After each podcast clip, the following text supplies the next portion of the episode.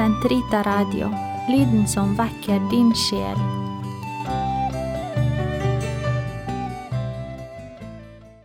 Lovet være Jesus Kristus, og velkommen til katekese for konfirmanter og unge voksne. Vi har nå kommet såpass langt at jeg vil begynne med et tilbakeblikk. På den måten er vi sikre på at vi bygger på et felles grunnlag. Ok, vi vet ved fornuften at det finnes én Gud, perfekt på alle vis, allmektig, allvitende og god, og vi vet ved overnaturlig tro at Gud er treenig, at Guds ene og udelelige vesen eies fullstendig av tre guddommelige personer, Faderen, Sønnen og Den hellige ånd. Alle tre er likeverdige, de er evige, allmektige, perfekte og gode, samtidig som de, i, de lever i forhold med hverandre. Gud er ikke som en kake delt i tre like store stykker, og det er heller ikke som tre forskjellige kaker. Vi tror på én Gud i tre forskjellige personer. Gud Sønnen fødes av Gud Faderen fra evighet, og Gud Den hellige ånd utgår fra Faderen og Sønnen fra evighet. Treenigheten er troens første og største mysterium, som hele livet dreier om. Tro og fornuft er veier til ofte forskjellige sannheter om den samme virkeligheten. Tro og fornuft kan aldri motsi hverandre, og de utfyller hverandre.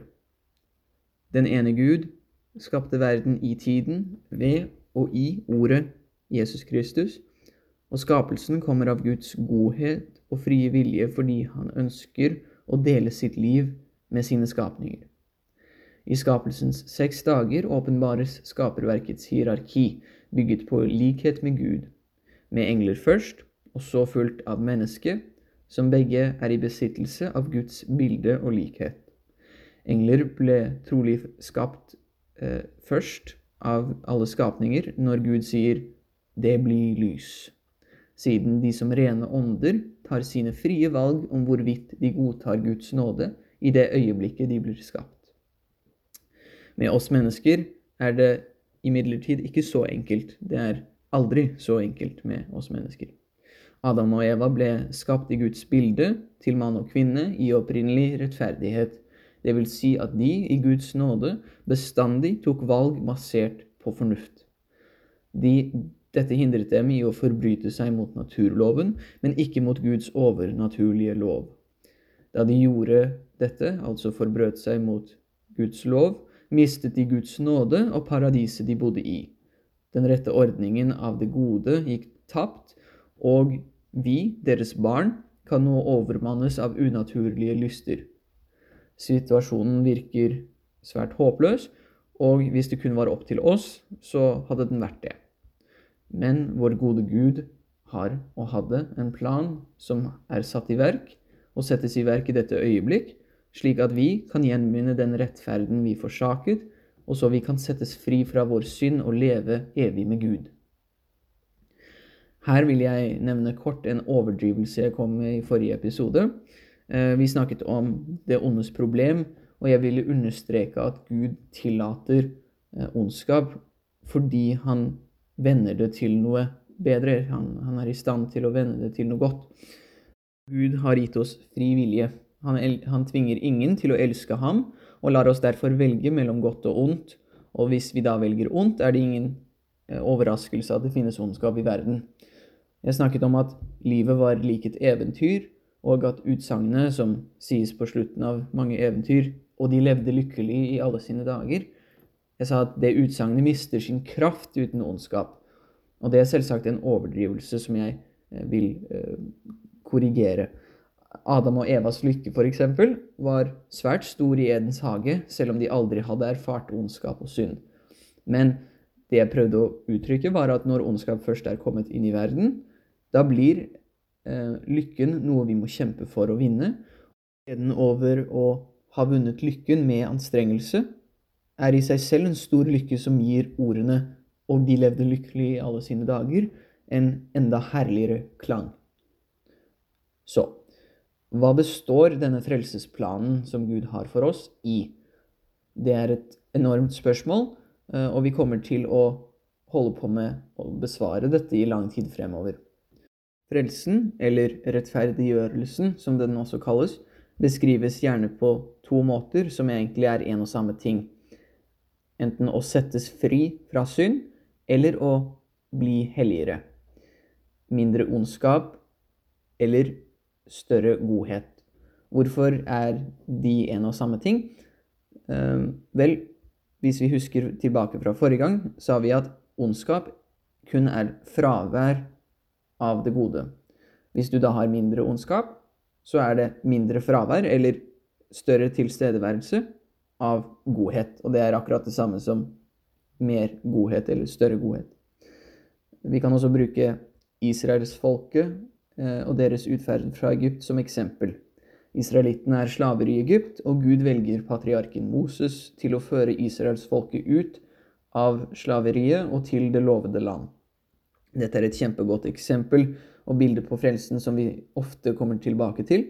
Eh, frelsen er både det å settes fri fra slaveriet i Egypt, altså å fjerne seg fra synden, at, du, at det fjernes ondskap. Men det er også å ankomme det lovede land og å nærme seg Guds rike, altså økt godhet. Når du går imot det lovede land, går du samtidig bort fra Egypt. Jo lenger unna du er Egypt, unna synden, jo nærmere er det også landet som flyter over med melk og honning. Eh, det vil si himmelen. Eh, og det viser oss hvorfor fravær av ondskap og tilstedeværelse av godhet betyr en og samme ting. Så da vet vi litt bedre hva frelsen er for noe, og hva det vil se ut som når den finner sted. Men hvorfor må Gud ha en plan som strekker seg gjennom historien? Det handler igjen om menneskets frihet. Gud kunne valgt å frelse oss på, på, et øyeblikk dersom han ville, men fordi han vil lære oss om sin rettferdighet og nåde, og fordi han vil la oss samarbeide med ham, så velger han å la være. Å være rettferdig er å gi til enhver det de fortjener, og Adam og Eva fortjente ikke å slippe unna sin ulydighet uten straff. Nåde eller miskunn på den annen side er medynk som gir oss ønske om å gjøre slutt på en annens lidelse. Gud hadde vært unådig om han lot menneskeheten lide i sin synd uten sjanse for, eh, for løsning, selv om dette hadde vært fortjent. Så for å forene Guds nåde og hans rettferdighet lar han Adam og Evas slekt, oss, fødes i arvesynd. Det er den rettferdige, det er rettferdigheten. Men han tilbyr oss sjansen til å gjenopprette vårt vennskap med ham. Det er nåden. Gjennom historien åpenbarer Gud seg for menneskene og etablerer det vi kaller for pakter. Det er bindende avtaler mellom Gud og menneske, som Gud bruker til å undervise, rettlede og helliggjøre sine barn, lik en far. Han gjør dette gradvis, akkurat sånn som en far som oppdrar sine barn. Når barna er eldre, forventer han mer av dem enn da de var små, og gir dem større ansvar.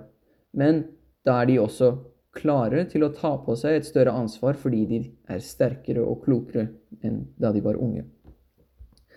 For å veilede menneskene til frelsen trengs det tre ting. Først at de skjønner at de lever i synd. For det andre at de ser hvilken rettferd de kalles til. Og tre en vei eh, fra der de er, til hvor de skal, fra mørke til lyset, fra synd til rettferd. Senere skal vi gå igjennom akkurat hva slags og hvilke pakter eh, Gud sluttet med eh, menneskeheten. Og vi kommer til alle tre punktene som jeg nettopp nevnte. Men eh, vi begynner med å snakke om de to første, synden og rettferdigheten. Rettferd betyr å ferdes rett å vandre rett, at du følger den rette veien. Men hva er denne rette veien? Det som er rett, er å handle i samsvar med sin hensikt. Vår hensikt kommer fra hva Gud har skapt oss til, som vi snakket om forrige gang. Det er vår natur. Og den kommer fra hva han åpenbarer for oss ved tro. Sammen utgjør disse et regelverk for hva som er rett og galt. Den første av disse kalles naturloven, som sier at vi kjenner det rette å gjøre fra vår egen natur. Vi har en kropp med behov for næring og helse, altså er det naturlig og rett å ivareta sitt eget liv. Og det er på en annen side galt å skade eller ødelegge liv. Mennesket er enten mann eller kvinne, og disse må forenes for å gi liv til de neste generasjonene, altså er det rett og rettmessig å gifte seg og få barn. På den annen side er det galt å misbruke ekteskapet og ekteskapsakten, dvs. Si samleie, eh, mot sin hensikt. Mennesker har en trang til å leve i samfunn. Derfor er det rett å passe på og hjelpe hverandre, og å bygge sivilisasjoner med lover og regler som kan bidra til oppdragelsen eh, av, av barn og av nasjoner. Menneskets sjel har egenskaper skikket til å kjenne sannhet og elske godhet, og det vakre og det skjønne. Altså er utdannelse og kunst rett å eh, ettertrakte. Um, og dumskap og løgn um, er å unngå. Siden Gud er sannhet og godhet selv, er det pålagt under naturloven å forsøke å kjenne, elske og tilbe ham. Det er altså ikke nødvendig med noen åpenbaring for å vite at det finnes én Gud, og at han er verdig vår tilbedelse. Eh, vi har alle i oss en medfødt kjennskap til denne naturloven. Alt det jeg til nå har sagt, er åpenbart for oss, men hvordan er den det? Jo, det er ved noe som kalles samvittigheten loven som skrives i våre hjerter. Samvittigheten ligger i forstanden og er en måte vi kjenner til hva som er sant og rett å, gjøre i en viss situasjon. Den formes i vår oppdragelse, men den, eh, den har mange fellestrekk eh, hos alle mennesker. Det er bestandig eh, pålagt å, å, å følge samvittigheten. Um, og da er det også viktig at den formes rett. Ok, Så hvis rettferd er å ferdes rett, da betyr synd å ferdes galt og å trå feil. Uh, synd er en handling som strider mot Guds evige lov, som forstått av fornuft og mottatt i åpenbaring. Synd på gresk er hamartia og har samme betydning som å bomme på målet når man skyter med pil og bue. Målet vårt som mennesker, den blinken vi sikter på, vår hensikt, om, de, om, dere husker, er å søke Gud og handle slik Han har skapt oss. Og ved eh, hver av våre handlinger, frie handlinger, vil vi forsøke å treffe den blinken, det målet, vår hensikt. Forstanden og samvittigheten sikter bestandig rett, men pga. arvesynd avlyder vi av og til andre krefter, eh, de, som Eh, kalles verden, kjødet og djevelen, som på hver sin måte kan, få, eh, kan dra i buen, om du vil, og få oss til å sikte feil. Gud har skapt oss med evig lykke som vår hensikt, så å handle imot ham er også å handle imot vårt eget beste og vår egen hensikt. Synd er ikke bare umoralsk, den bringer ingen lykke, og den er ulogisk.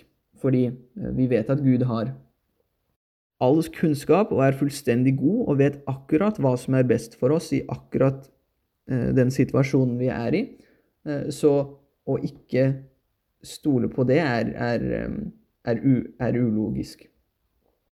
Når vi synder mot naturloven, handler vi imot vår egen natur, slik at enhver synd også tilslører hvor klart vi ser Gud, Hans godhet og Hans lov.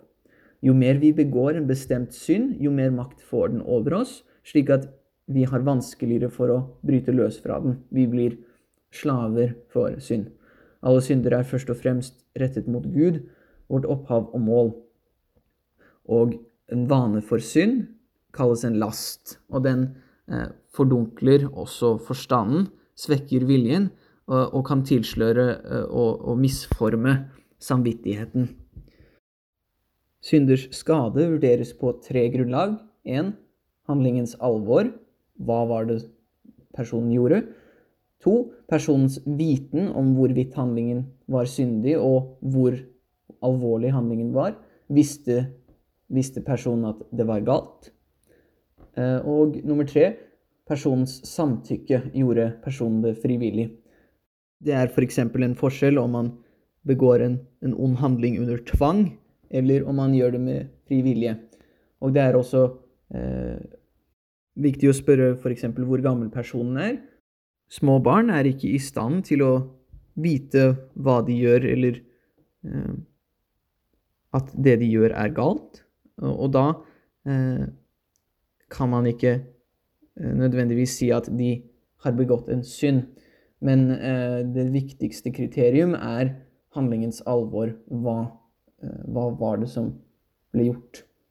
Tiden vi hadde for denne gang. Neste gang skal vi fortsette med, med synd og de forskjellige inndelingene i enten dødssynd eller veniell synd, og vi skal gjennomgå de ti bud i detalj. Det er lurt å begynne å lære seg dem allerede nå. Um, vi har ti fingre, og det er ti bud, så det passer bra.